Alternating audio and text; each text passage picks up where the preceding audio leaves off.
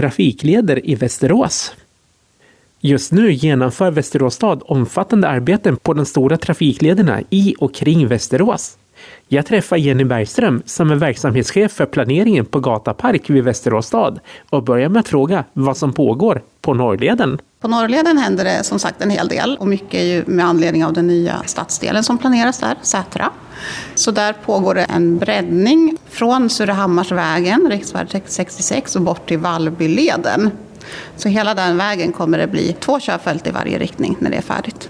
Varför gör ni det här? Det är för att säkerställa framkomligheten eh, för biltrafiken och nu när vi som sagt planerar för ett stort bostadsområde där söder om Norrleden så är det viktigt att alla kan komma fram som de ska och att inte den trafiken stör eh, den andra trafiken för mycket. Mm. Sen bygger vi även där en, till att börja med en cirkulationsplats då, eller en så kallad rondell i korsningen Norrleden-Vallbyleden. Där det har varit väldigt svårt att komma ut och in på ett säkert sätt redan idag. Och med ökade flöden så kommer det bli ännu svårare. Mm. Så det börjar vi med att bygga en cirkulationsplats där. Hur ser eh, tidsplanen ut för detta? Cirkulationsplatsen eh, pågår, det bygget pågår för fullt mm. och därefter så tar den här breddningen vid.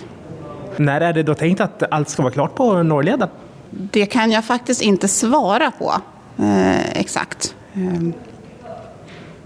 Men det tar ju, att bygga en väg tar ju ett par år. Norrleden är ju nu inte den enda trafikleden i Västerås. Vi har ju även Tillbergaleden där det händer saker. Ja, precis. Och där ligger ju Tillbergaleden in till det här jättestora området Finnslätten. Där det pågår en enorm utveckling eh, just nu. Med många nya detaljplaner och nya verksamheter som etablerar sig. Och med anledning av en sån eh, ny detaljplan så kommer vi då bygga en, även där en cirkulationsplats. Där en ny väg ansluter ut mot Tillbergaleden. Pågår de här arbetena på Norrleden och Tillbergaleden samtidigt eller hur fungerar det? Ja, det kommer de delvis göra. Men först kommer vi ju arbeta med den här cirkulationsplatsen på Norrleden och se till att den blir färdig och sen påbörjar vi breddningen där. Och Tillbergaleden beror lite på den detaljplanen, hur snabbt det går fram, det arbetet. Då. Hur långt har man kommit i processen med den detaljplanen? Den är relativt färdig, så det har kommit långt. Och vi kan titta till eh, ännu ett område i stan där det från och till kan vara ganska kaotiskt, nämligen Erikslund. Har ni något eh, arbete på gång där för att underlätta? Där håller vi på att detaljprojektera just nu för Västerleden. Den nya Västerleden som ska ansluta E18 med riksväg 66, Surahammarsvägen. Så den blir som en liten förbifart runt Erikslund. Och den tror vi kommer avlasta Erikslund en hel del. Och det arbetet pågår för fullt och håller på att detaljplaneras just nu. Och den eh, beräknar vi ska vara färdig 2027.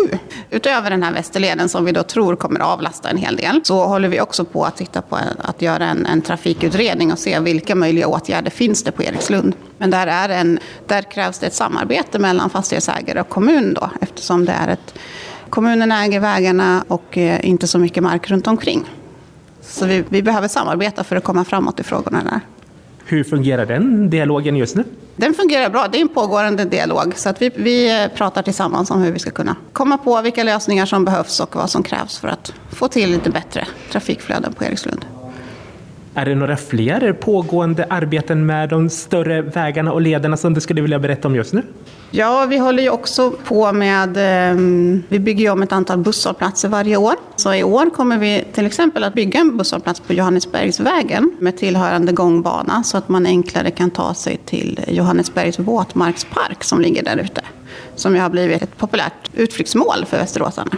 Och något som jag även skulle vilja slå ett slag för är också att vi i år eh, har ett trygghetsprojekt på Vallby som vi kommer jobba med. Där vi har avsatt en pott för att göra de eh, yttre miljöerna i Vallby eh, tryggare och eh, säkrare och mer attraktiva.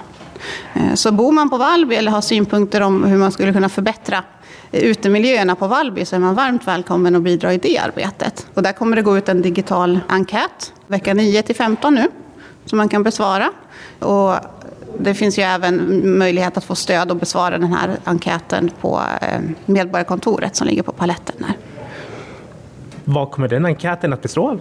Ja, den består ju av eh, vilka platser man tycker som känns otrygga på Vallby. Om man har några förslag för att förbättra de här platserna eller annat som man tycker skulle behövas. Tack Jenny. Tack så mycket.